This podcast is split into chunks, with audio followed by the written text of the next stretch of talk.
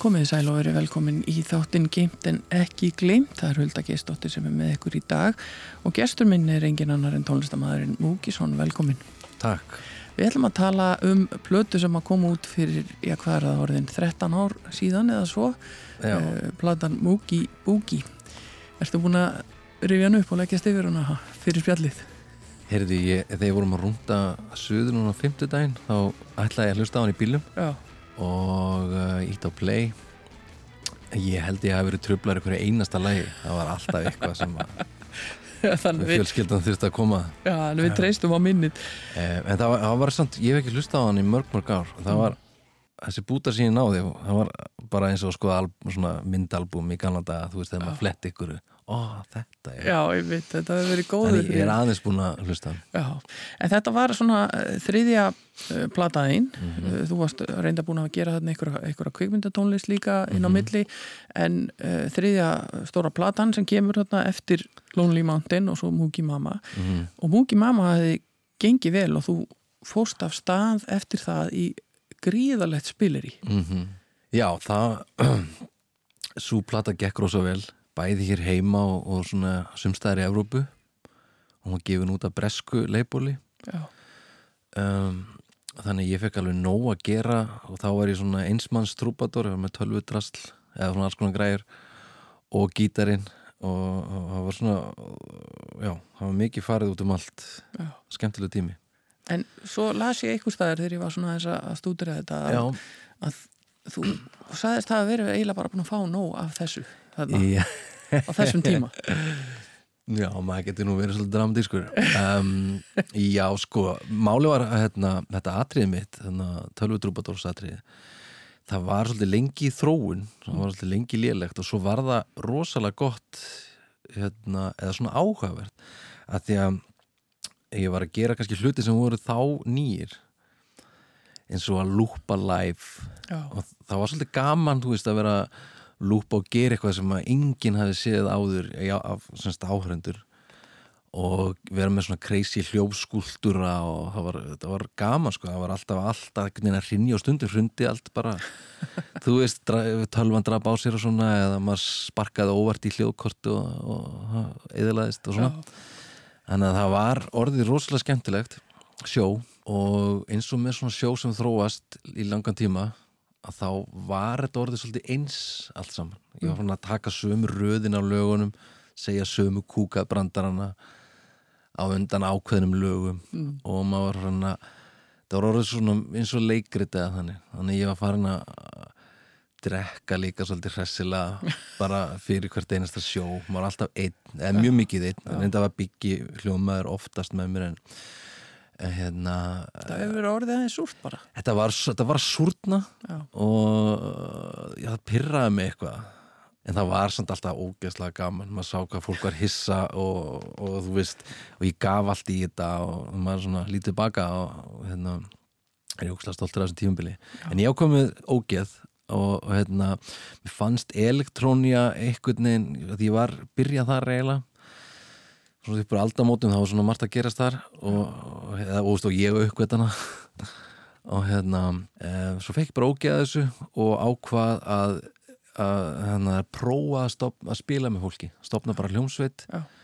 E, var heilengi að, að svona fara bara á tónleika og hitta fólk og, og hlusta og varð alveg ástfangin að Atta og Guðna.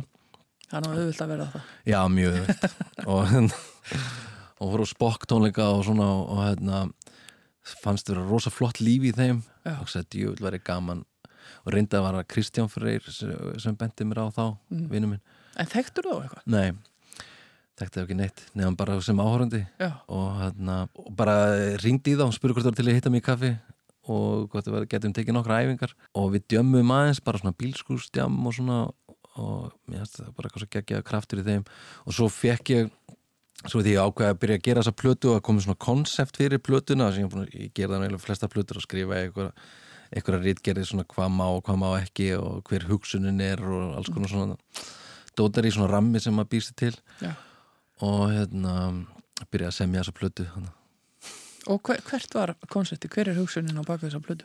Já, í minningun allavega veit ég hvað þú vil lesi ein minningunni var, semst, ég hlustaði á þessum tíma fór ég eitthvað að hlusta mikið á, á blues og svona uh, primal músík Mhm. og fann svona geggjaðu kraftur og label sem var svona tildulega óþekkt á sem heitir Fat Possum og gaf út Junior Kimbrough og ég man ekki alveg BR uh, Burnside eitthvað svo leiðis Mm. og fleiri og hérna eh, John Spencer Blues Explosion valdi, uh, veist, ég, og hérna einn gamalli reitstjóra Grapevine bendi mér á að lána með fulla diskum en nokkra diska og þannig að það, það svona frum orku rock, blues um, en svo var ég líka mikið að hlusta á sem sagt hérna bara svona best of blötur ég var í svona, kannski hægt að kalla það heimildavinnu sem svona, það sem ég var rosalega hugfangin aðeins hvað það voru hvað gaman að hafa svona skitsó uh, hvað, hvað þessar best of blötur eru veist, verið með svo svona tímabil Já, úr öllum áttum. úr öllum áttum einhvern maður heyri eins og Led Zeppelin til dæmis, veist, maður heyri svona eða bítlarnir hérna, það er svo skemmtilegt að það kemur inn í eitthvað svona ný stefna í hverju lægi einhvern veginn.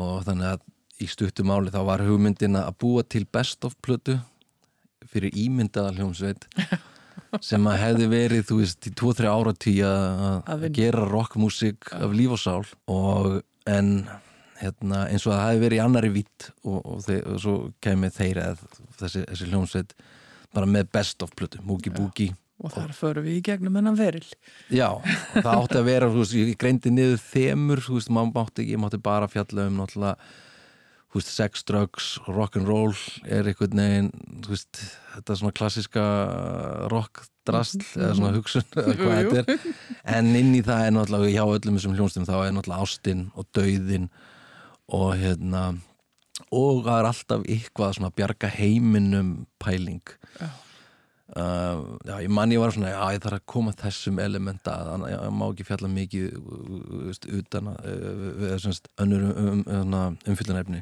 var ekki æskilega En þú varst í pælingum á þessum tíma með að taka þessa blötu upp í Memphis og Mhm. fara bara heim til Mekka? Það var, það var svona lengi og ég var komin í samband við mitt Sun Studios og var að reyna að finna veist, svona einhverja svona gamla hunda, einhverja orginala Já, til að vera í bandi og fara kannski tvær vikur eða eitthvað og bara djama þetta til. En uh, bæði var það svolítið vesen og peningar. Mm þessi En svo- blessuðu peningar alltaf. Já, en svo var bandi mitt samt þarna, að þróast þarna og ég hugsa bæði að og Guðni og Pétur Ben var svona komin á kantinn eins og eiginlega alltaf. Mhm. en svo er einn maður sem að varði eiginlega bróði minn á þessum tímabili sem að hérna, heiti Davíð Þór Jónsson.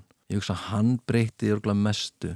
Að því að það er svona, ég veit ekki hvort þú kannast við hann en Jú, jú. hann, hann, er, hann er svona skapandi afl, hann er bara hann er gullfoss og geysir tónlistabransans hann, hérna, en þannig er ég að kynast hann svolítið vel. Já, og bara galdratin sem hann kom með og þessi demo frá mér og sem ég var að þróa eiginlega breytti öllu. Já Þú vildi bara ná að virkja þennan gríðarlega sköpunarkraft Já, en þessi hópur, ég, er bara með það kannski meira satt Mhm. að þetta séu bræðu mínir hérna, þú veist Mhm. frekar en að fara að elda einhverja gamla kalla. Já, en kannski átti eftir að gera það setna Já, geta alveg vel verið sko. Súplata og kannski eftir að verða til líka. Vonandi. Við skulum fara að snú okkur aðeins að, Já. að blötunni og við ætlum að fara hér saman í gegnum lögin. Eh, Fyrst er auðvitað titillægið, Múki Búki mm Hvað getur þú sagt okkur um það? Það er bara, þetta byggir á svona riffi. Ég man ég samtið það í hveragerði ég fór með rúnu og þá strákin okkar sem var bara nokkra veikna gamall eh, eldri strákin okkar dýri vorum þar á hótel hjá vinnafólki okkar og hérna kom það riff mest að tók aldrei töff og það var samt, samt svo tók það svona langan þróunar fyrir uh, og mér langaði að gera eitthvað sem væri eitthvað, svona löðrandi sveitt. Og ríkala mér la- man að mér langaði að þetta er því svona einhver blanda Screaming Jay sem gerir þarna frægsta lagi hans er I Put a Spell on You. Mm en hann hefur gert líka margt annað. Þannig að mér langaði að krafturinn væri svona þessi frumkraftur. Pixies mann ég var mikil áhrif af aldur þarna líka. Það er svona allt hrátt og við það að fara í sundur. Það, manna það var svona metnaður eða markmið á mér að það myndi nærru því ekki hanga saman þetta lag. Já, skulum heyra eitt löðrandi sveitt múkibú.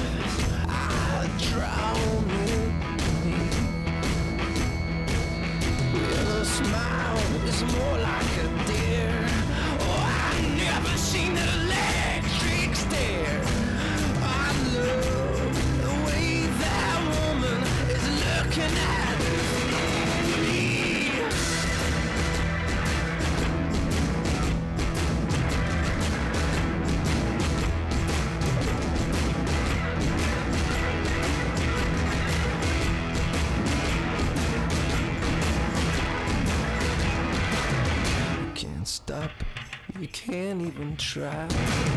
Get around that beat, I can see it in your eyes. The way you're tapping your feet, looking so sweet. You say you never dance, you never move. I seen the way you tap into my groove.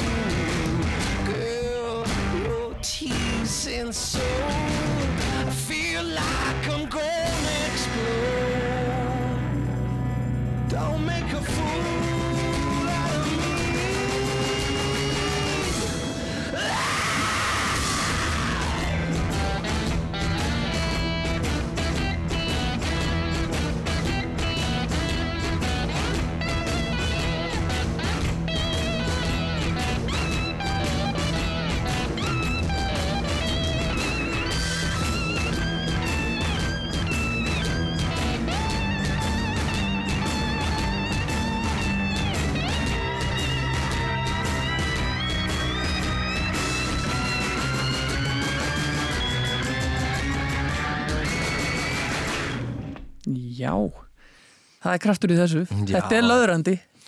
ég var ekkert smánaður þetta small allt saman sko og heyri hann Davíð á orgelinu Já, Pétur á gítarnum og trómur og Guðna bassa og svo erum fleiri gestur þarna Helgi á básunu ég á munnurp og gítar já. Þetta er eða lið sem er með þér á þessar plötu. já, En þú hefur alltaf lagt svolítið upp úr því að svona hafa þitt fólk með þér og í kringum því og, og sumir eru alltaf með á öllu sem þú gerir. já eins og upp frá þessu þá hefur Davíð Þór bara verið nærði okkur einasta lagi sem ég hef gert og Pétur, hann er aldrei langt í hann hann er mismikið en hann er mikið líka í svona þróunaferli hjá mér yfirleitt Mm. veist, fara að heyra lögin í, í svona alls konar myndum Já, vera að stúdra þetta með þér. mm -hmm. Uh, höldum svo áfram yfir í næsta lag. Uh, þar kveðum við svolítið annan tón. Og það er kannski eitt af því sem einkennir þessar plötu er að eins og þú varst að lýsa með best of plötuna, hún er, hún fer í allar áttir. Já, og, og, og næst er það Pathetic Anthem sem er reynda líka svolítið sérstakur og skemmtilegu titill. Já, um mitt um, sko uppalega ég held ég nú aldrei sagt frá því en ég, það er kannski að ég skammast mér hans fyrir það þá hérna samt ég þetta eiginlega fyrir hana dittu, dittu skald Já, og tók upp hérna, náða að plata upp í stúdíó. Og hún gerði geggjaða uh, hérna, útgáfu. En svo þegar hún var farin og þetta var alveg sko, ég var búið með allt annað á blötunni og þetta, við byggjónum byrjaði að mixa og mastera hérna, byggjast hljómaður upp í sundlug og þetta var svona hún kemur og tekur upp við erum bara það frammi svo fer hún á daginn eftir að 200 setna ég ætla að fara að, mixa þetta þá kemur í ljós að ég hafði hljóðkortið hafði sem sagt brenglað alla fælan. Það þannig að þetta var bara svo kallar white noise það var bara allt, og ég skammaðist mér svo fyrir það. En hérna og ég þorði ekki að ringi hann aftur einhvern veginn og, og endur gera hlægið og það var all, allt mjög vandræðilegt Mm. en ég fannst þetta lag átti, ætti heima á plötunni. Þannig ég ákvað að vippa bara fram gítarnum. Mm. að því ég var með aðra hugmynd sem sagt svona B-hugmynd fyrir þetta lag já, sem var sem sagt að, reyna að gera lag bara með einum streng. Já, þannig að mætti eiginlega bara spila eitt streng í einu eina nótu. Og hvort það var hægt? Um, það er eiginlega þannig að ég vippaði bara gítarnum tók það upp Mm. og svo mann ég sko þessi texti á, víst, það var kannski aldrei gaman að tala mikið um texta en, en hann að það var hann að Bush var að fara inn í Írak já er á þeim tíma til að þeim tíma og svona það bull ykkur neginn, þú veist að búa til svona aðskildar fylkingar er, er alltaf svo skrítið að hérna já, þannig að það var eitthvað að pyrra mig hvað þetta var allt mikið uh, svona verið að sundra fólki einhvern veginn kristnir á móti múslimum og, og eh, veist eh, hann nota alls konar svona frasa sem að mér varst eitthvað svo svo svona geðsíkislegir eða, veist, svona, eða það er ekki eins að það er mér svo vond orðið mm. Já, hann ég man það var mér hugleikið svona þetta, þetta showbiz element að stilla fólki upp við þeir Mm. og, og eins, og eins og heimurinn geti verið tvíviður. Já. En hefur einhvern tímann talað um þetta við dittu? Nei, veist, ég hef ekki gert það í alvörun ég hitt hann á bar nokkrum mánuðum setna eftir að platan kom út og ég man að mér fannst ég verið að hitta gamla kæristu. Með, óþægilegt með nýju kæristuna mín og ólétta en ef, ef hún heyrir þetta á bara En er ekki bara málið að kalla í hann og, og, og, smetla í þetta nú? Jú, það var flottara útgáfa sko. Mm. En ég man því ég heyrði þetta í bílnum um daginn þá fattaði ég að ég er hérna undir áhrifum frá Lenny Kravitz í viðlæginu Lenny var mikið uppaldi hjá mér fyrstu tværplötunar hans Mm þegar ég var úlingur Já, og ég fannst ég bara merkja það mjög vel hérna hvernig ég ratta viðlægið greinilega undir möðunum farið beint þáka það er svolítið delni í því, við skulum heyra Every performer is a preacher. We need to make make a living by giving a piece of the pie. Look me in the eye. Tell me, are you believing?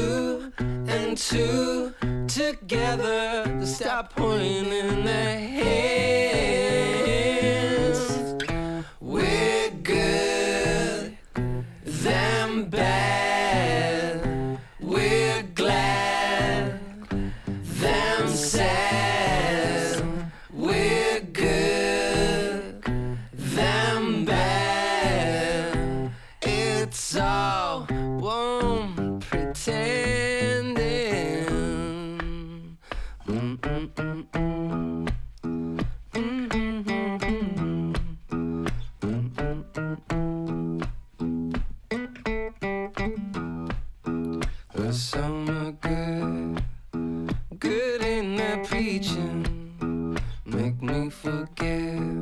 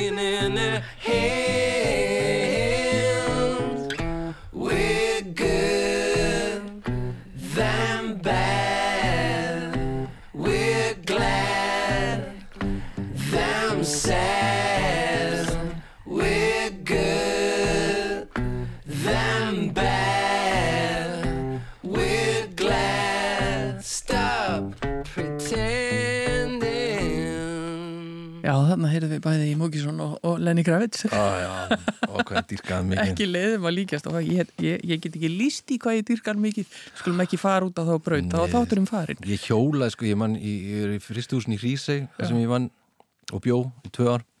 Ég var úlingu fyrir tíndabekkinni mitt og þá hjólaði ég heim stundum í hádeginu og veist, í tíu pásinu og tvö pásinu og bara til að ná kannski tveimur lögum. Þú verður ekki verið, hérna, þú verður ekki átt bara Walkman og geta verið með í fristúsinu var ekki bóðið upp á það. Ég held að ég var bara ekki nú klár til að fatta það. Þú meinar. En uh, svo förum við áfram yfir í, í næsta lag og um, þar getum við nú sagt að, hveði við nokkuð mikið annan tón. Hvað lafa það til? þá erum við komin í To the Bone. Já, já, já, einmitt. Já, það er smá svona hljómasúpa. Já, eða þannig sé, stilti gítarn hann í G-mól sem sama og murmur í- er í, Pétur Ben kendi mér þessa stillingu og það, mér finnst að það var skemmtilega svona hljómagangur. Um, og svo þegar það var komið svona grindin af hvernig lagið var svona kannski líka smá svona ég veit ekki, Robert Johnson hittir Nirvana á fyllir í. Það vera því heyrði um daginn. Þú, sér, þú ert með alls konar geggjaða senur Mm. þegar þú ert að setja þetta upp og, og, og sjá þetta fyrir þér Já, maður prófar ímislegt sko, svona sem sér maður hvar lagið vil verða. Já. En að því við tölum um Nirvana þá ætlum ég að taka smá hlýðaspora því að Nirvana leiði mig yfir í Foo Fighters. Mm og það var síðan dæmi sem hann kom upp í tengslum við þessa blötu og, og þaðan fer ég síðan yfir í, í Queens of the Stone Age. Já, þetta tengist allt svona er hver lekkurinn á fættur öðrum. Og, og, og þú þekkti mann sem var að bóka Foo Fighters og hann Mhm. hafði gefið Joss om plötuna. Já, e, þegar að frá í liði plata kemur auðvitað út fyrst hérna á Íslandi og svo í Mhm. útlandum og allt í einu var bara litli Múkisson á Íslandi að fara að túra með Queens of the Stone Age. Já, einmitt. Það var hann til Robert Fraser, eða Robbie Fraser. Já. og er eh, svona stórlags í LA hann fílaði svo hérna Mugi Mama plötuna. Hann hérna Husky sem er svona mixið maður úr Mosó mm -hmm. Og búin að búa lengi. Hann, einhver hafði sendt honum Mugi Mama í Ólagjöf og svo hérna kynnti hann þeirri plötu fyrir einmitt Robbie Fraser. Og Robbie ringdi með dými vestur ykkur tíman ég er svona ekkert hver það var. Nei, og vildi vera eh, tónleika umbásmaður minn. Og eitthvað svona. Það var gaman. Og svo setna þegar Mugi Boogie kemur út þá lætur hann Josh Holm og Josh Holm saði mig setna að, að hann hafði ekki fíla plötuna í fyrstu held ég fjórar eða fimm skiptin sem þau leta hann renni gegn Mm. en Robbie Fraser hafi saðan, bundið hann niður við stól og spila plötuna í lúpu þanga til að hann fattaði að þetta væri eitthvað sem hann skipt þanga til að hann fíla Já. það nógu mikið til þess að, að hérna, bjóða okkur að vera með sér í mánuð í Kanada Og hvernig var þetta? það var algjör styrlun það var hérna við fórum hérna uh, á hérna vestuströndina minnir að hafa verið Vancouver og svo kerðum við með þeim þvert yfir alla Kanada í rúma þrjár vikur spilum mann ekki hvað 20 tónleika eða eitthvað með þeim. Mm. og um, þetta voru svona hockeyhallir. Já, svona 5 til 10.000 manna svona hallir. Og bara hverjum degi var gaman að vera til Ég skal trúa því. Er, það er ímislegt sem kemur upp og hjá, hjá, hjá íslenskum tónlistamannum Já, þetta var líka sko bandið þetta, þessi útgáfa af þessu bandi með, Pétri og, og hérna, Davíð Þór mm. Atti og Guðni og svo Byggi Hljómaður og ég að hérna, þetta var eitthvað svo svona í minningunni eitthvað svo rétt og gaman fyrir þessa músík, svona rockmúsík og verið rútu og þú veist um eitthvað fyrir 13 árum. Já, aðeins yngri alveg til í Já, þetta þetta var eitthvað svona, ga- svona, svona uh, blöytu draumur þú veist. Verið eitthvað staðar í drullu rútu.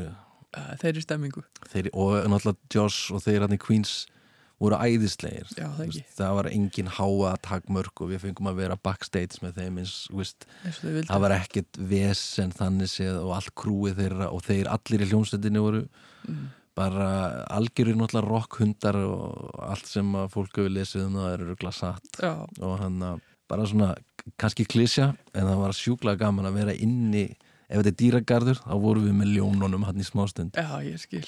En heldur þú samband við ljónin? Nei, Ekkert heyrt ég hef ekkert heyrt Nei, það var aðeins fyrst voru að bjóða okkur, heyri nenni þegar að koma og vera með okkur hann í Evrópu? En þú veist það bara plönin voru þannig að, að það gekk aldrei upp að hitta það aftur almennilega og svo feitaði það bara út auðvitað. Já, kannski, hver veit, kannski, kannski náðu þið saman aftur En við skulum uh, heyra To the Bone Now where do you go? Go to seven. Why that dreamy smile? Oh, whatever. I wish I could be somebody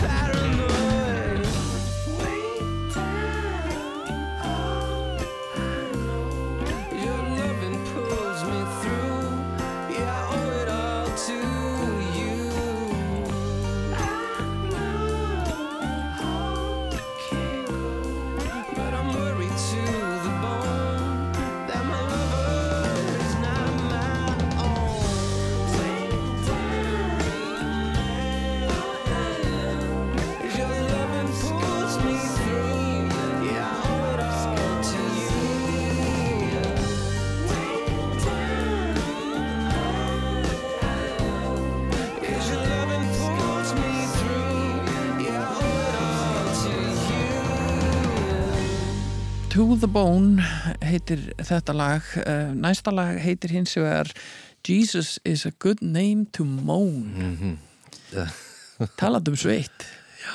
Um, Já, sem sagt, To the Bone var svona uh, paranoia lag ástarinnar. Mm. uh, hérna svona e, á einhver staðalasi, er það um, einhvers konar afbrýðisemi? Já, svona afbrýðisemis fílingur Já, og en svo Jesus is a good name to moan en nú var gömul hugmynd sem ég átti og sem ég kveiknaði í smugunni 97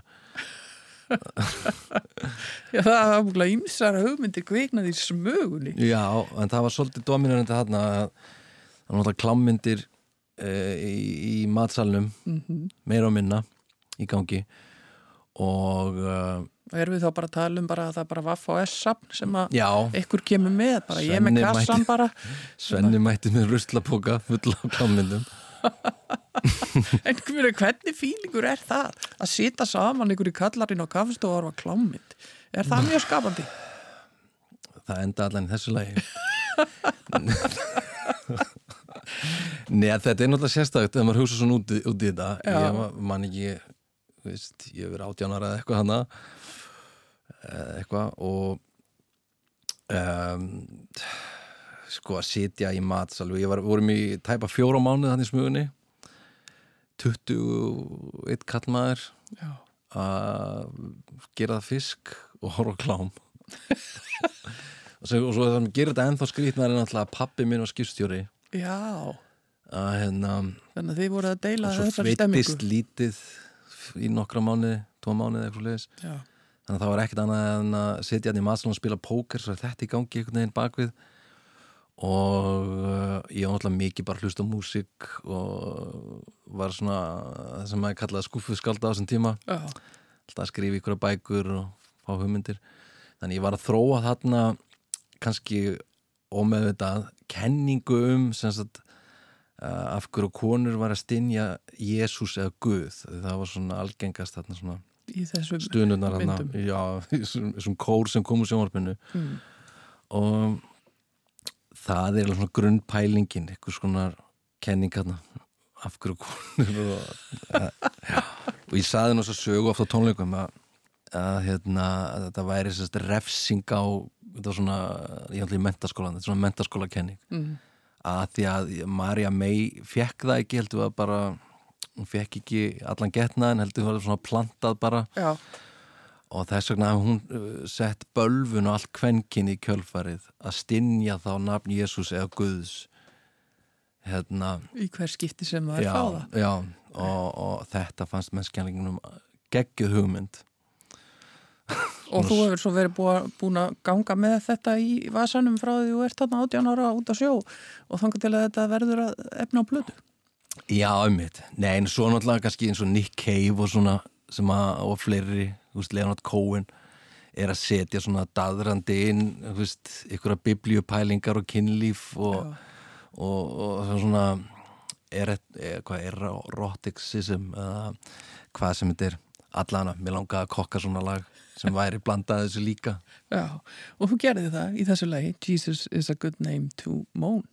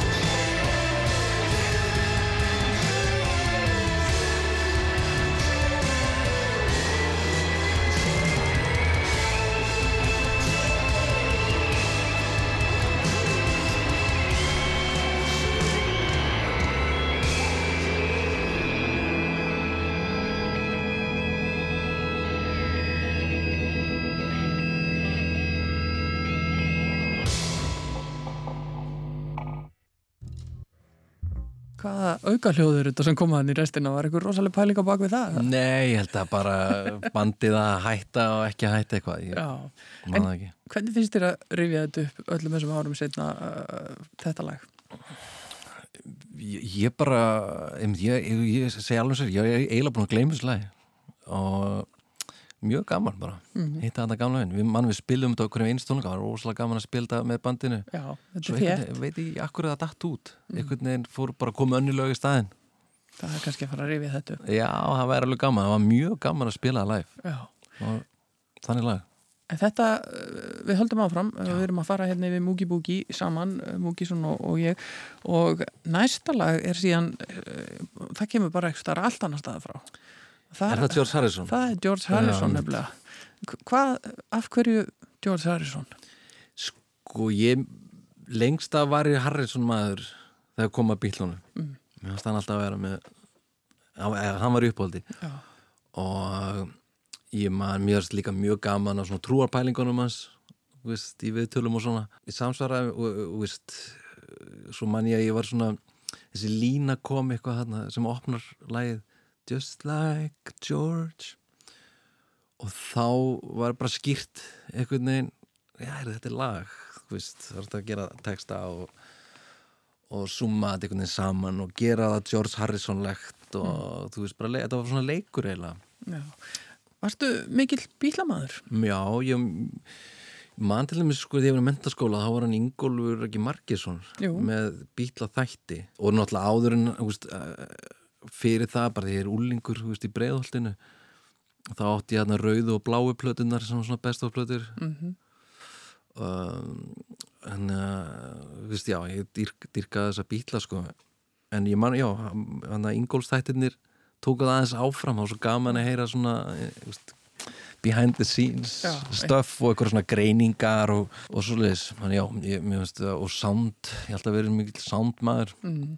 og mikið að, þú veist bítlastöffin er Já, bara ógeðslega flott. Eða, veist, mikið, það er náttúrulega allt ógeðslega flott en það hafi mikil áhrif á mig. En George Harrison, veist, eins og Something hann var lengi upp á slæði mitt Já, að þú veist, það tekur einhvern veginn á ástinni svo rétt.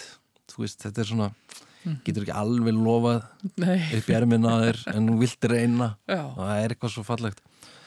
Og já, þetta lag ég var, mér fannst alltaf reyndar að þetta vera bara eitt af bestu lögunum á plötinni svona músiklega. Það var svona konfektmóli sem að eiginlega veist, ég held ég var bara einu sem lendi í því að tvísvara einhverju segja, segja við mig eftir tónleika akkur tókst ekki George Harrison?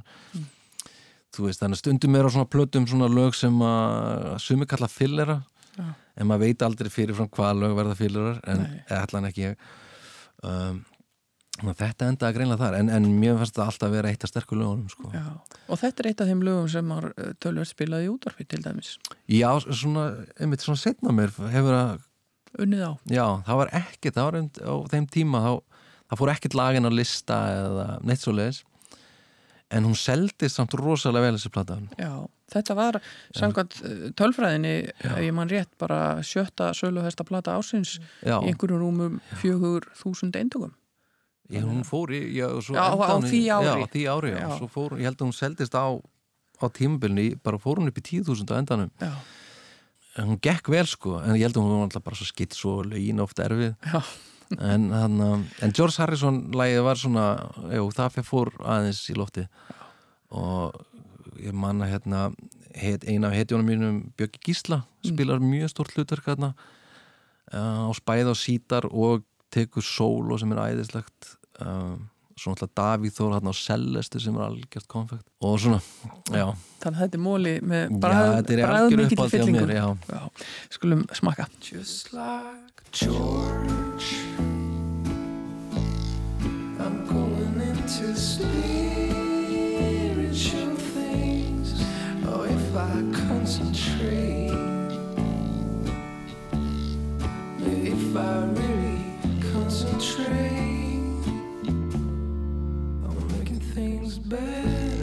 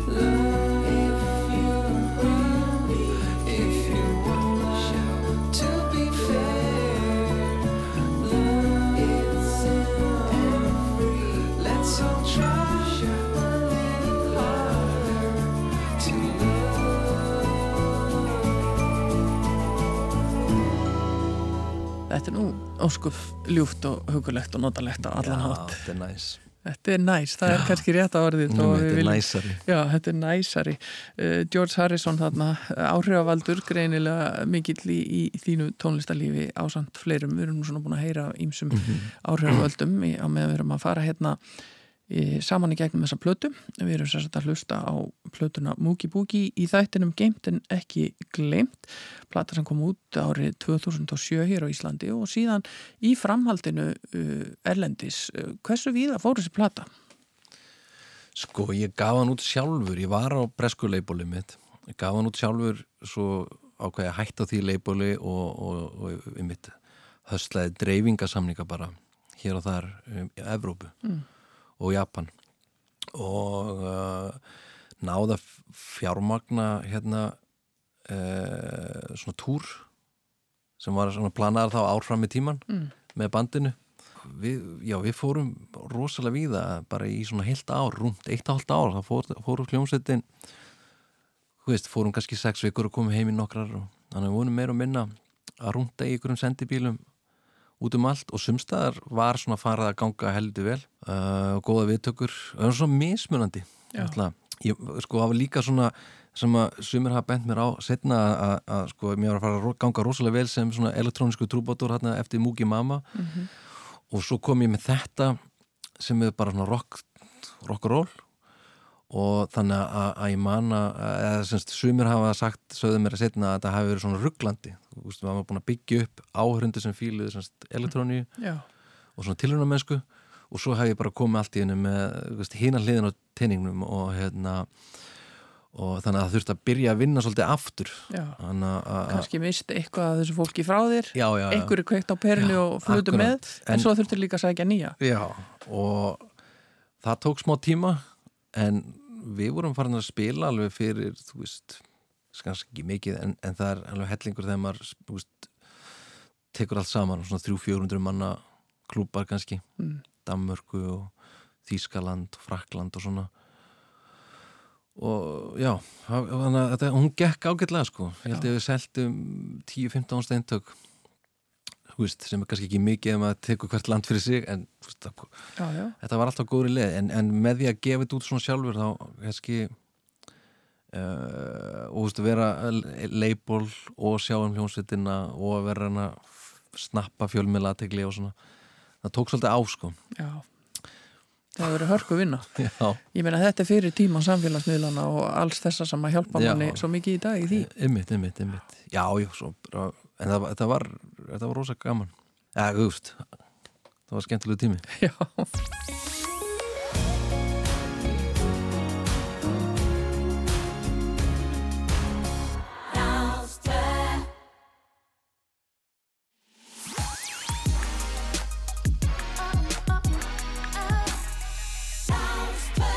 En við höldum áfram, við erum svona eh, um það byl hálnuð eh, með þessa plötu. Og ætlum að fara yfir í sjötta lagið eh, það heitir Deep Breathing. Þetta er langt lag, þetta er rúma fimm minútur Já, þetta er listaverki á plötunni.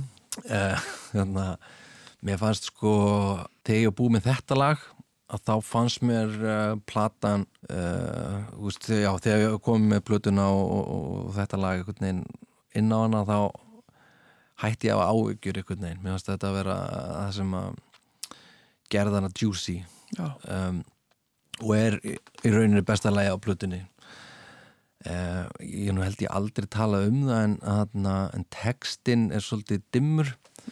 Um, hann eh, sagt, byggir á móðum ég fekk heila blóðfall þegar ég var úlingur og þetta er svona semi uh, svona lýsing á því í rauninni en svo náttúrulega textar eru opnir fyrir allt fólk getur hugsað hvað sem er en, en hérna, úst, þjáning eða, eða tilfinning. En allan hugmyndin er það og maður er svona fros ég man, uh, úst, hún, hún vaknaði eða var sem sagt bara í, með heila blóðvall í ykkur ykkur rosa þjáningu. Og, og hérna en, en maður er bara svona barn og úlingur maður þorði ekki að fara fram úr og tjekka hvað er í gangi. Og hérna þannig að ég stál þeirri senu inn í þetta lag og svo er hérna gerði Pétur alveg frábæra svona strengja útsetningu inn í þetta og ég notaði svona ónýtan kassagítar eða svona svo kallega prípera eins og fólk þekkir príperaða píano sem hún setur skrúur og nagla og svoleiðis eða teppi og, og dót á, á flýil til þess að gera meira svona eins og perkussiv eða trommulegan. Að þá fekk ég þarna þessa vikuna æði fyrir að gera þetta á gítar. Ég held að þetta sé, nei þetta er sannlega ekki fyrst skipt sem ég gerði það, ég gerði það líka eitthvað á múkjumama en hérna, ég var mjög hrifin af þessu. Það tók langa tíma um þetta að ná réttri áferð á réttum stöðum og svona og þetta er, þetta er eiginlega leikhús. Þannig séð, eða hugsað sem leikhús. Og ég man að þetta, þetta var tilbúið þá fannst mér að þetta, er mesta listaverkið á plötunni. Það- textil, lag tilfinning já og, svona, og þetta er drullu svart.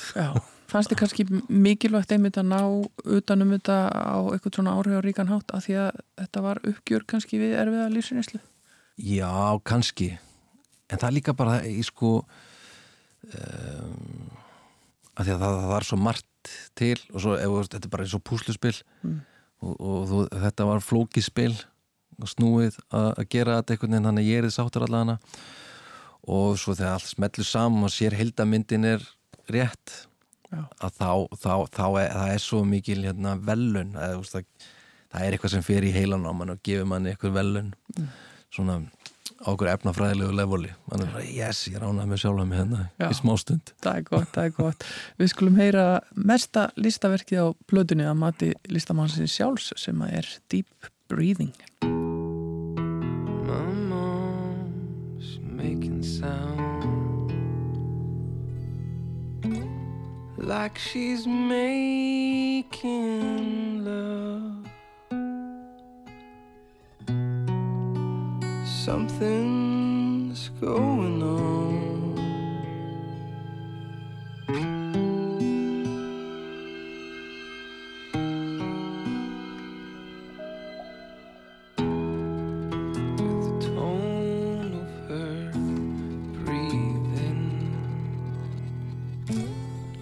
straight into my bone. Something's going wrong. It's like I'm stuck in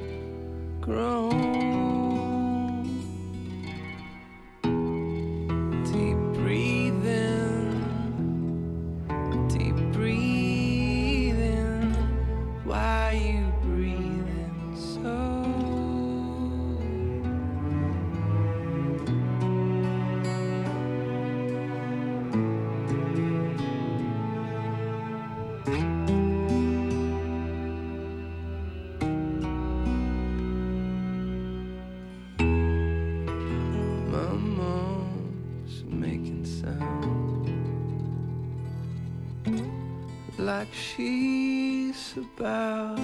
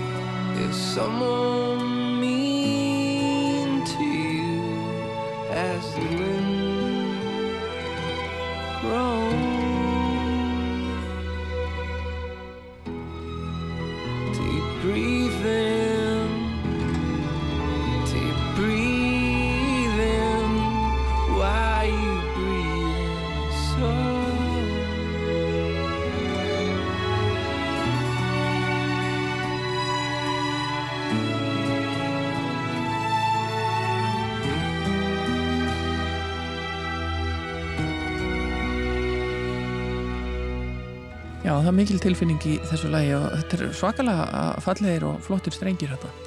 Já, Pétur Pétur er svo mikil mistar í svona ómstríðum strengja útsetningum Mm. hann, hann útsetti tvö lög annað heitir þetta og svo, svo heitir hitt hérna Great Unrest sem kemur á eftir og hann útsetti líka hérna Salt á, á Mugi Mama sem er mitt besta lagi þar Já. líka Já. Er það kannski líkillin að, svona, að ná að raða öllum púslunum saman er að vera með þetta líkil fólk þitt með þér? Já, alveg pottitt alveg pottitt það, það fer alltaf eitthvað áfram. Sem maður kemur með einhvern svona grunddótari einhverja hugmyndir. En stundum þarf að endur gera hlutina mjög oft og sumt að þessari plötu var einmitt unnið mjög oft en það er ekki að því að veist, það sé eitthvað lélegt Mhm. það er bara lægið stundum fer maður í vittlösa átt eða eitthvað Já.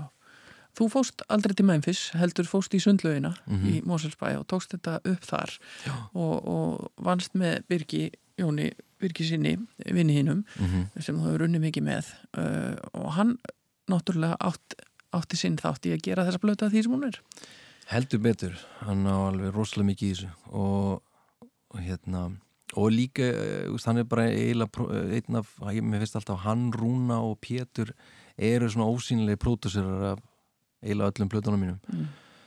um, uh, en ég, ég tók hann líka reyndar upp, ég man sko við byggum hérna í bænum hann þá f- tók ég upp á því að keira upp í kvalfjörð, ég legði þar við áttum bara svona litla reysýbúðinir í bæ Mm.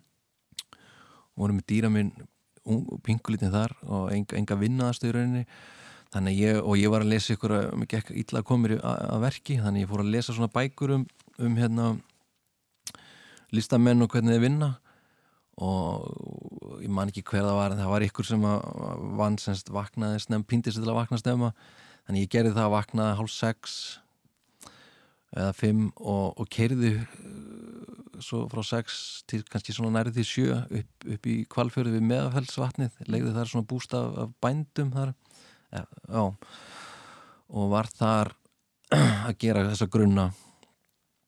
Og svo einmitt, er, það var svona það er smá að gert þar, svo fluttu við vestur og þá legði ég hús í hérna uh, Nýfstall á Snjóflóðsvæði og var þar í nokkra mánuði líka og þar var tekið hellingu. Mm. Og svo eiginlega klára ég plötni, svo er nú alltaf, hoppað annars í sundlegina sérstaklega fyrir trommur og strengi Já. en svo klára ég en þá keftu við hús í Súðavík hérna 2007 og náða að breyta bílskurtin þar í heldur næs vinnustúdíu þannig að- svona megnið að klára þar Já. Og, og byggi síðan. hoppaði til mín annars slæði á alla þessa staði Já. til að fylgjast með og, passa að þetta verði allt rétt. En það er einhvern veginn eitthvað allt annað að gerast í næsta lagi. Þetta var angurvert og blítt á mörguleiti þó það væri dimmt og, og, og svona svart undir. Eh, Næsta lagi erum við bara að missa okkur.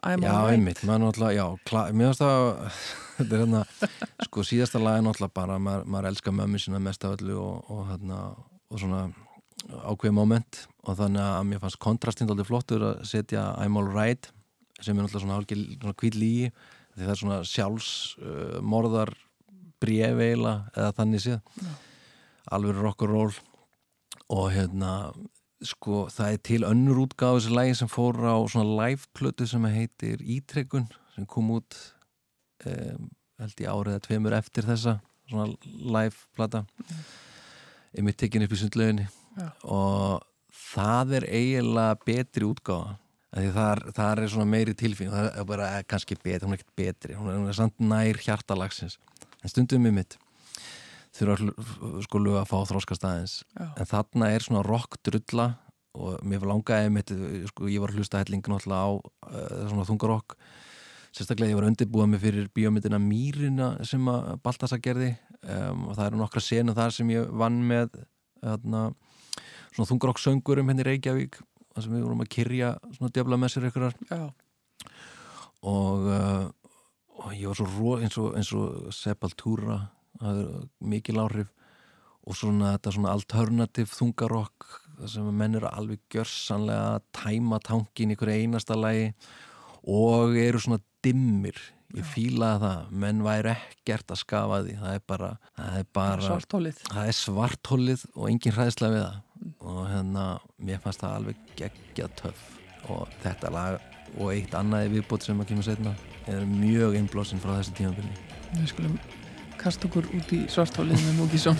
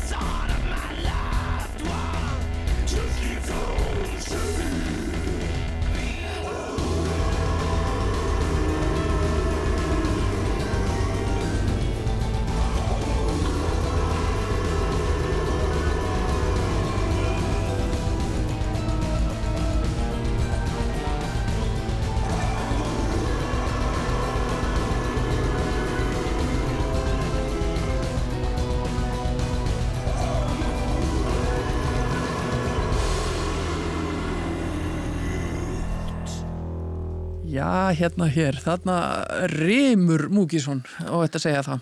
Já, þetta er alveg hrikalega gaman að syngja svona Já, er þetta, sko, við erum náttúrulega búin að fara um víðan völl í þessum lögum sem nú þegar eru komin og við erum ekki búin með plötuna. Þú er búin að vera, uh, hérna, ljúfsár og, og, og svona blíður og yfir í þetta og þér finnst þetta líka gaman. Þetta er eiginlega best sko að- það, Þetta er, þetta er hérna ymmit, þetta er bara að gefa allt Þetta er svo næs Veistu, Svo líður mann svo vel eftir á. Að Er þetta ekkert erfitt? Þetta, þetta er smá erfitt en þetta er bara erfitt eins og veist, að lifta lóðum eða, eða lappa upp fjall eða eitthvað þegar svo er maður komin upp og það er bara einmitt kaffisopi og svo niður og í bað, þetta er geggjað. Eða eitthvað svo leis þetta er er þolrun Já. á líkamann en þetta er svo gott fyrir sáluna Já, það er mikla útrás. já, þetta er rosalega flott útrás ég dýrka þetta sko Já. En þarf maður að vera með svona eitthvað, eitthvað sérstatt lag til, til að þetta þurftir umfyllunarefnið að vera eins og þú sagðir á þann verður það að vera dimmt Ég veit það ekki alveg Allana fyrir mig þyrfti það að vera þarna Mm. um, Ég veit ekki. Kannski maður, ég held að Nei, ég hugsa að þurfi ekkert endilega að vera að bara Getur ég, maður að fara í þennan gýr og bara Sólin skín og tínum bara ber. Já, ég held það. Ég hef bara, það er eitthvað svona villa sem að, mér finnst ég kenna eiginlega hérna, þú veist, grönsin og því ég, ég er, þú veist, úlingur þegar Nirvana og hérna Seattle geðu ekki var í gangi. Jú, jú. og þá þurfti allt að vera svo rosalega satt og þú þurfti að vera svo ríl sem er náttúrulega allt bara bölva bullshit Mm. að hérna en þú veist, ég er að þeirri kynslu og veist, þannig að stundum er, er það bara svona í, í mér einhvern veginn að það þurfi alltaf að vera eitthvað svo satt og rétt og eitthvað svo leiðis Mm. en í seinni tíð, ef maður eiginlega fatt að það er bullshit Já. en, hérna, en það er líkur samt djúft á mér, að mér finnst það alveg ennþá þegar ég er að gera stöf Mhm. en eh, áður fyrir, þú veist, var maður svona snoppari, þú veist, maður, maður fannst eitthvað að vera feik eða tilgeralegt, þá var það ekki alvöru Já, það, það var að vera alveg, alveg inn í bein það þurfti að vera inn í bein Já, og þú veist, það er þannig ennþá hjá mér þegar ég er að gera stöf, en ég er samt komin aðra skoðun að þú veist, menn getið mitt sungir og glöfum bláber og meint það jafn mikið og æðislega eins og að drepa sig skilur, það þarf ekki að vera svona íkt sko. erum við að fara að sjá uh, svona útgáfu af Stingum kannski? Ég efast um það. Ég, ég reynda sko við allir trommari, við, við höfum ætlað að gera semst, þessa plötu síðan við gerðum þetta lag sko. Já, Og veist, það er alltaf fóldir í tölvunum minna sem ég reyna að sapna demóum í í heila svona þetta, blötu já, heila svona gargandi skrýmsli. Já, það er ekki ekki að tala um gargandi skrýmsli, þá erum við að tala um skeppnu í næsta lagi The Animal animal, já. Já, það er svona, þá ef þetta er ímynduð hljómsveit sem að gekk í gegnum ykkur tímabil, þá er þarna er, er, er, svona raggi skotin, svona jolly feelingur ykkur Mm. og það er með te- textin er unnur upp úr árskíslu Amnesty þetta árið þarna, 2007 því mér fannst, maður búin að einmitt Lennon og fullt að liði, þú veist maður er lesa um það að hafa tekið svona dagblöð og whatever, bækur Mhm. og stólið línum og mér fannst það sniðugt að gera svoleiðslag og setja því í svona andhverfi búning þannig að veist, með alvarlegt umfjöllunarmál eða umfjöllunarefni en setur það svo í svona teiknumyndaraggi Þetta, þetta ljómar aðtilsvert, við skulum bara hérna vaði í þetta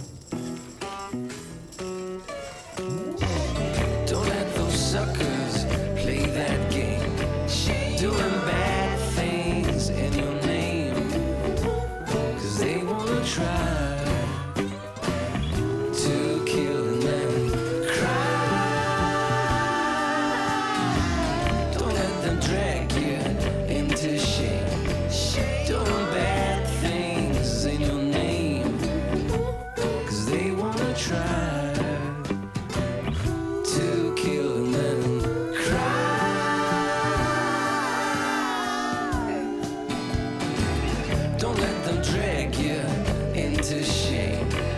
Do those bad things in your name. Cause they wanna try to kill and then cry.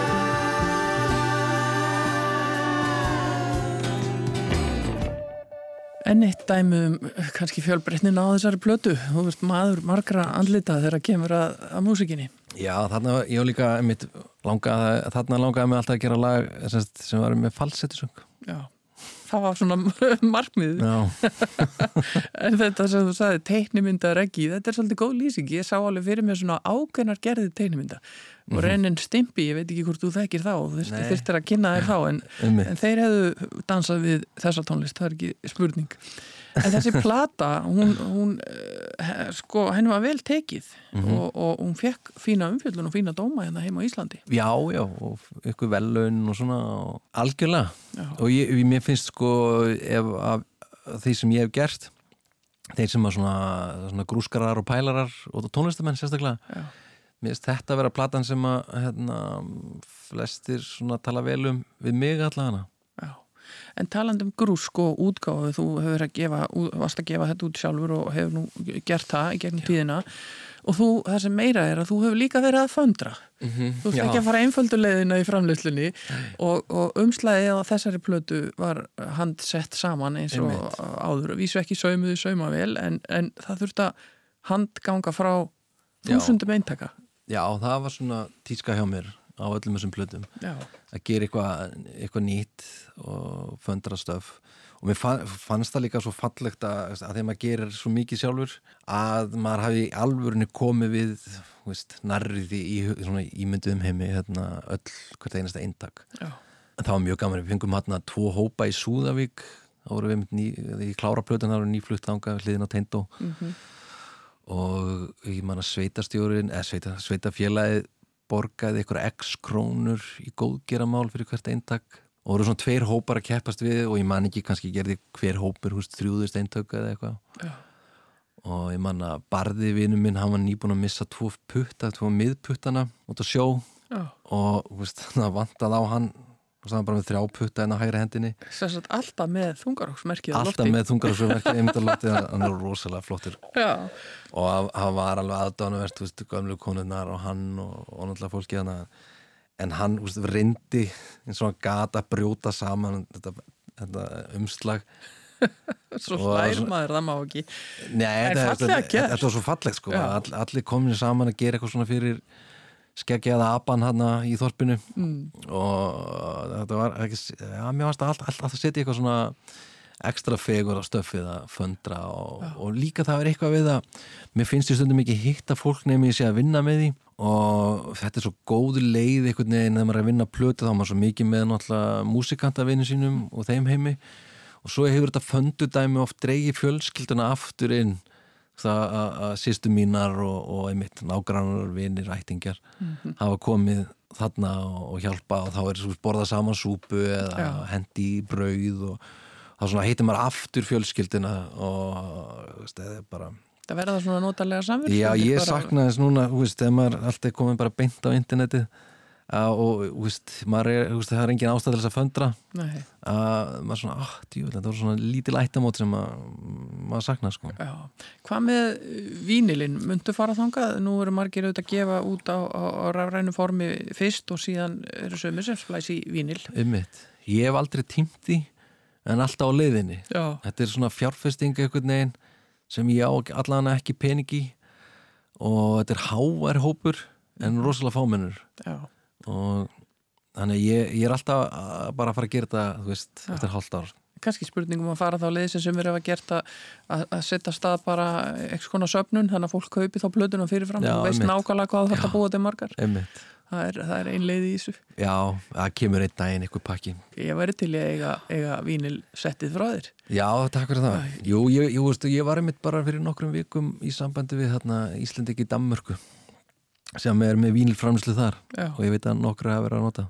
En það kemur eitthvað tíma. Það kemur ljós. Við erum komin að nýjunda læginu á plötunni Mookie Boogie uh, Two Thumb Sucking Son of a Boyo.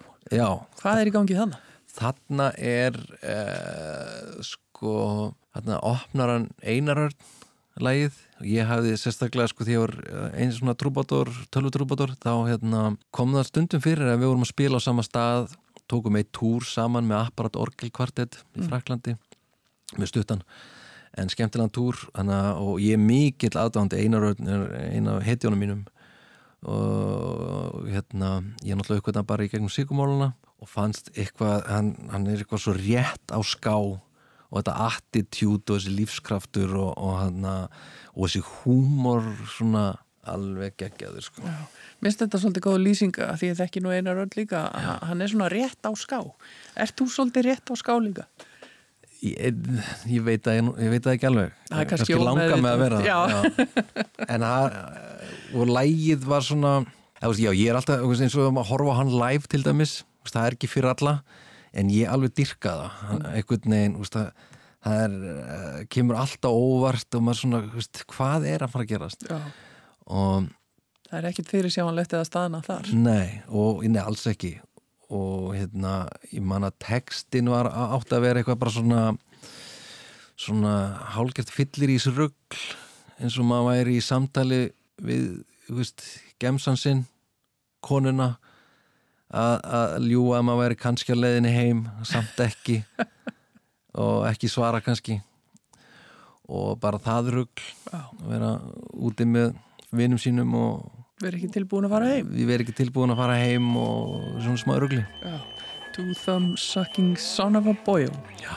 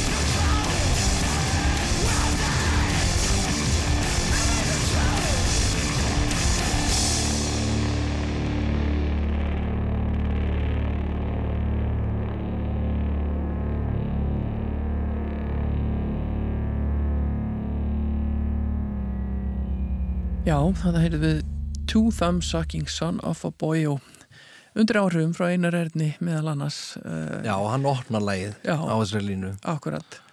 Já, og setur svona sinn, sinn svip á það og, og, og slest í hóp með þér hérna, það verður skemmtilegt að fá hann með í þetta svona einhvern sem þú lítur upp til og, og finnst flottur. Já, bara geggjað. Og hann har alveg til í þetta á þessum tíma Já, við bara, við vorum alveg bara ágættis vinnir Mm. á þessum tíma. Já. eða þú veist bara því við vorum að hittast svona og búin að vera að hittast á tónleikum og svona. Já, að hann kom bara, ég ringdi hann, hann kom og gargaði þetta og gerði eiginlega lagið.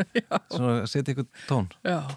Næsta lag er The Great Unrest. Já, Hvað erum við að fjalla um þar og, og, og hvað getur sagt okkur á því? um, einmitt í bílum að leiðninga þá þegar ég hlusta aðeins á þetta þá fattaði ég að þetta er sko svolítið undir áhrifum Will Oldhams greinilega. Eh, en titillinn og svona einblásturinn að textanum er fengið frá Ragnari Kjartansinni eh, hann var með síningu sem við rúna einmitt kíktum á uh, ekstra rétt undir eigafjöllum þá sem hétt Ókýrðin mik mikla.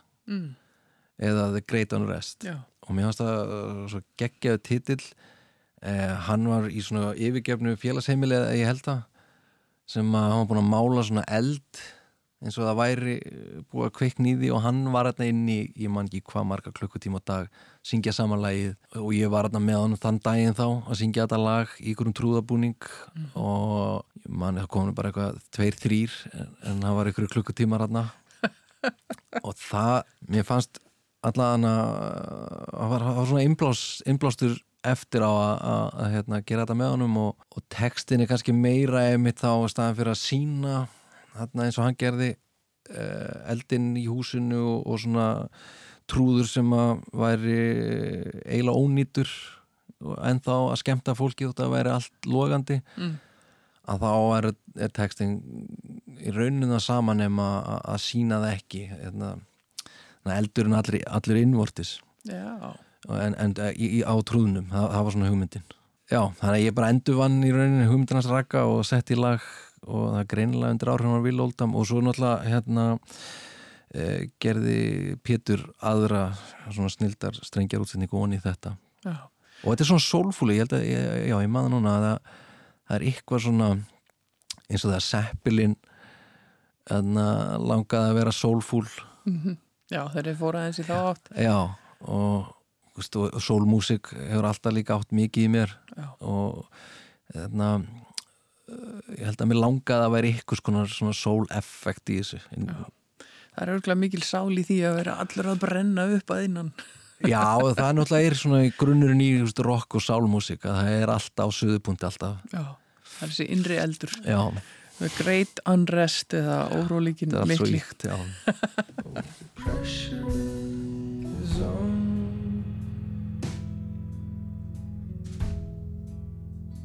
pressure's it's. It's on my shoulders, on my neck. It's all about to crack. The pressure is on. I feel like I'm gone.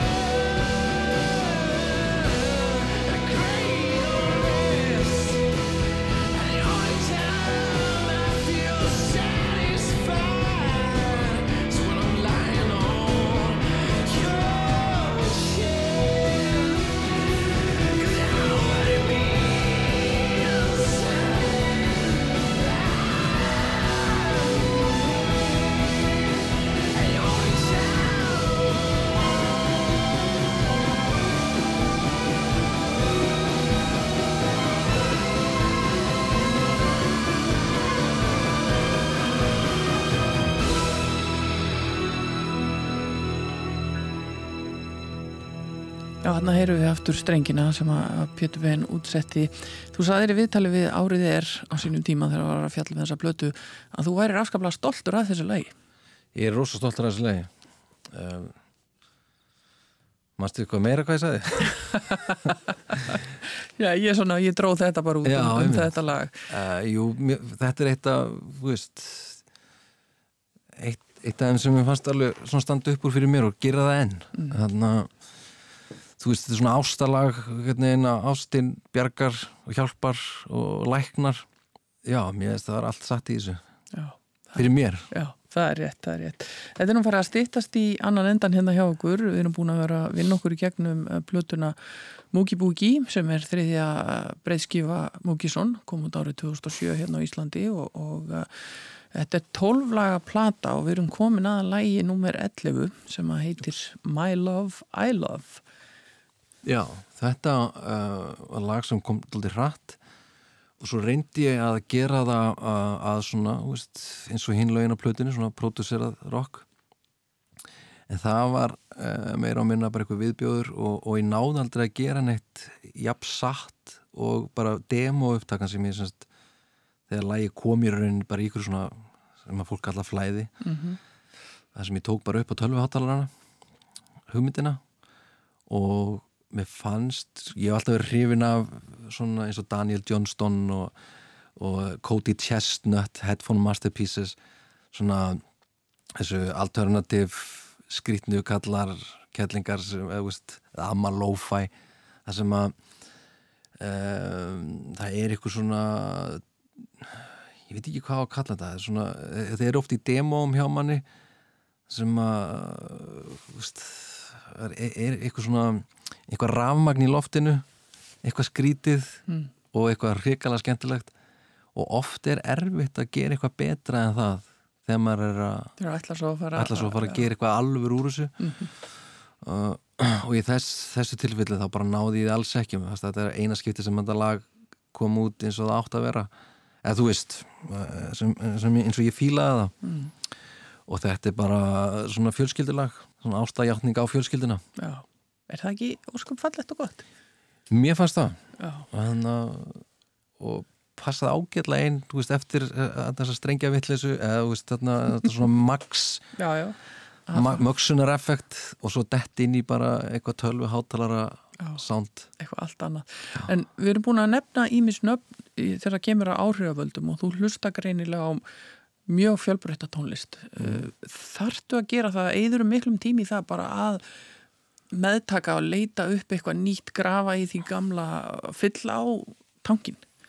Já, ég minnst það bara vera aðal skilda mín ég eyði miklum tími það er alltaf þetta að segja þessi eyða ég bara, Nei, þú verð eyða. miklum Já. tíma. Já, og það, er ymmit og eftir að Spotify og allt fór á neti þá var þetta bara ennþá betra þegar maður kemst í allt Mm.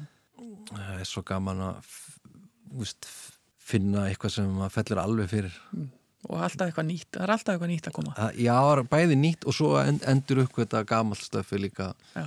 þú veist og frá alls konar þjóð eins og núna er svo gaman að fara í alls konar bara hérna veist, bara Balkan eða Asíu eða þú veist Og þú ert alveg fordóma laus þegar kemur að músík, þú til ég að hlusta á hvað sem er. já, mér finnst bara það er til svo mikið að algjöri snild. Það er bara, það er bara grúska nóg og hafa Já. gaman af. Við skulum heyra næst síðasta lagi á plötunni hérna næst, það er þetta lag sem við tölum um hérna My Love, I Love. Fjölskyldu ástar játning Got a picture of you,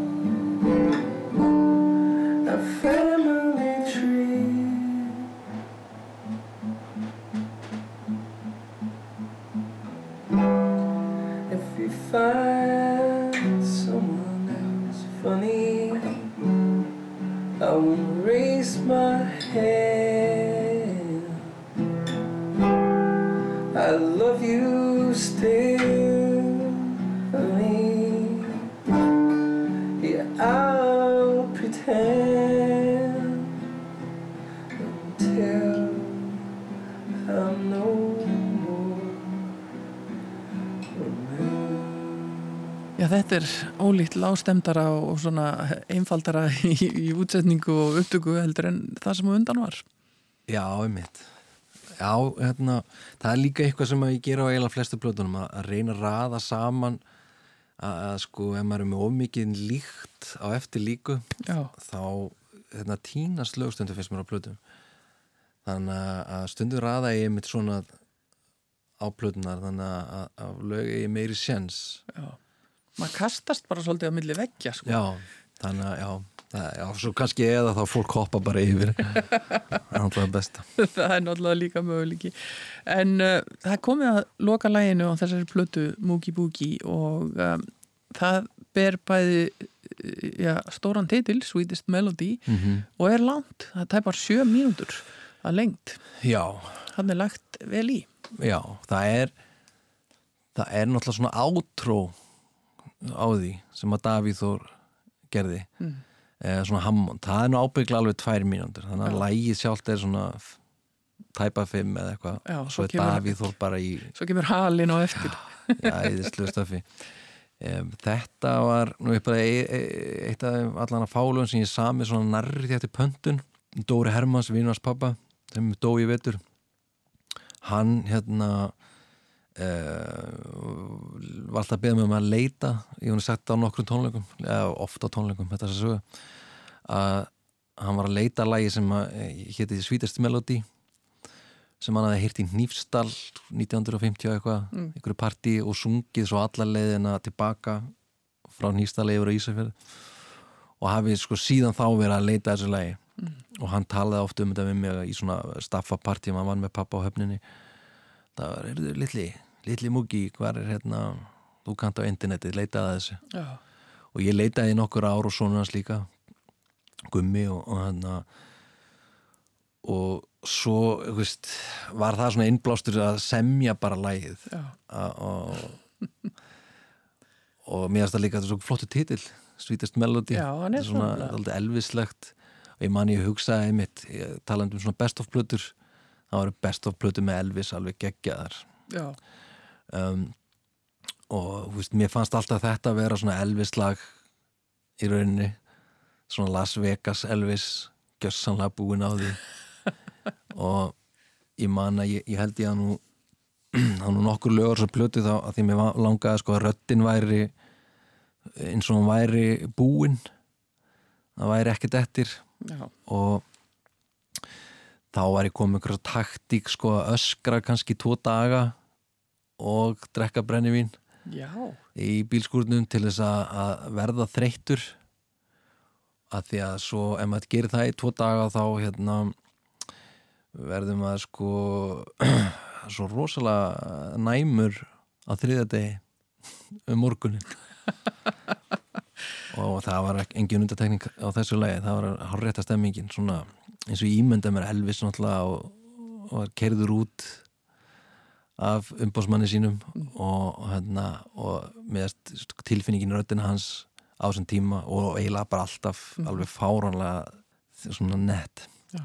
Þannig að þú fóst í, í þennan gýr uh, tveggjata fyllir í og öskur út í skúr Já. og það var eftir að fara í var að mjög taka vandræðilegt sko því að ég man að ég var að gera þetta að sumarið 2007 sennilega og ég súði eitthvað oft ættingjar og vinir en að rúnu þú veist að koma í heimsókn og þetta var orðið smá skrítið þetta ég gerði þetta í nokkurinn lögum á plötunni. Já, og hafði rosa mikla trú þetta er svona, maður fær stundir svona dellu þetta er algjörlega málið þetta er svo satt og rétt eitthvað svona skrítið.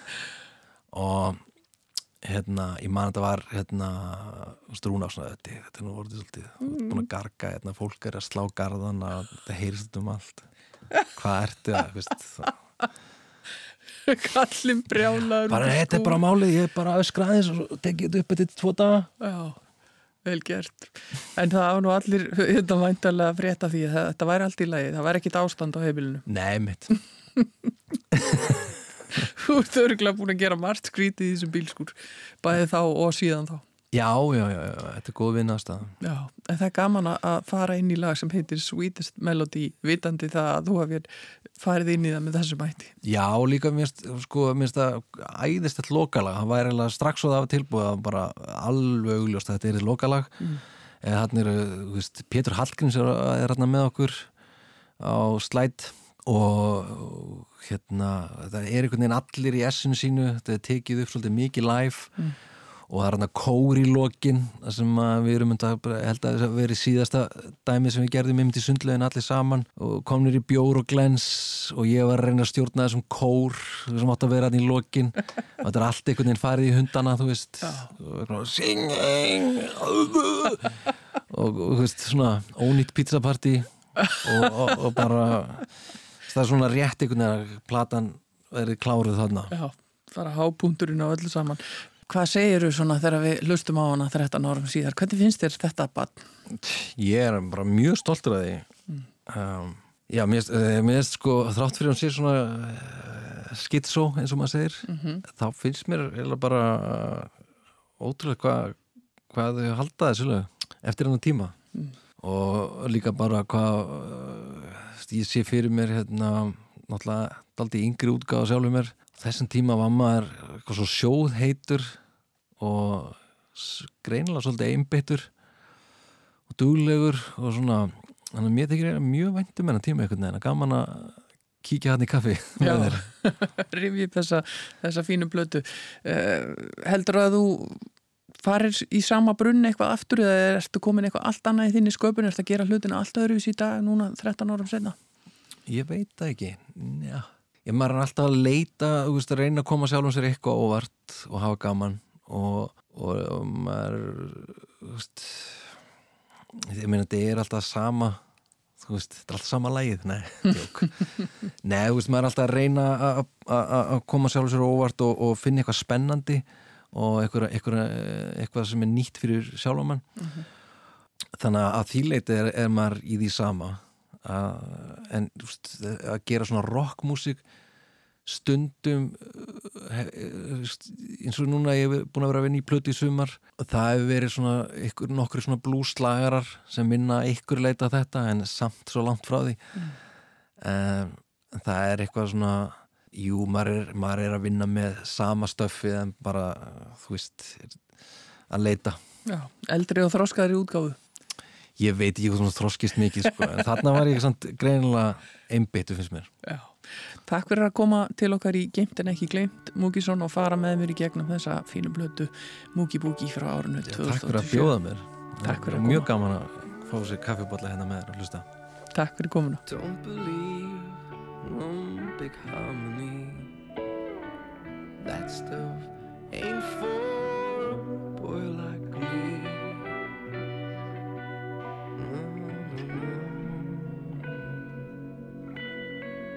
give me that beat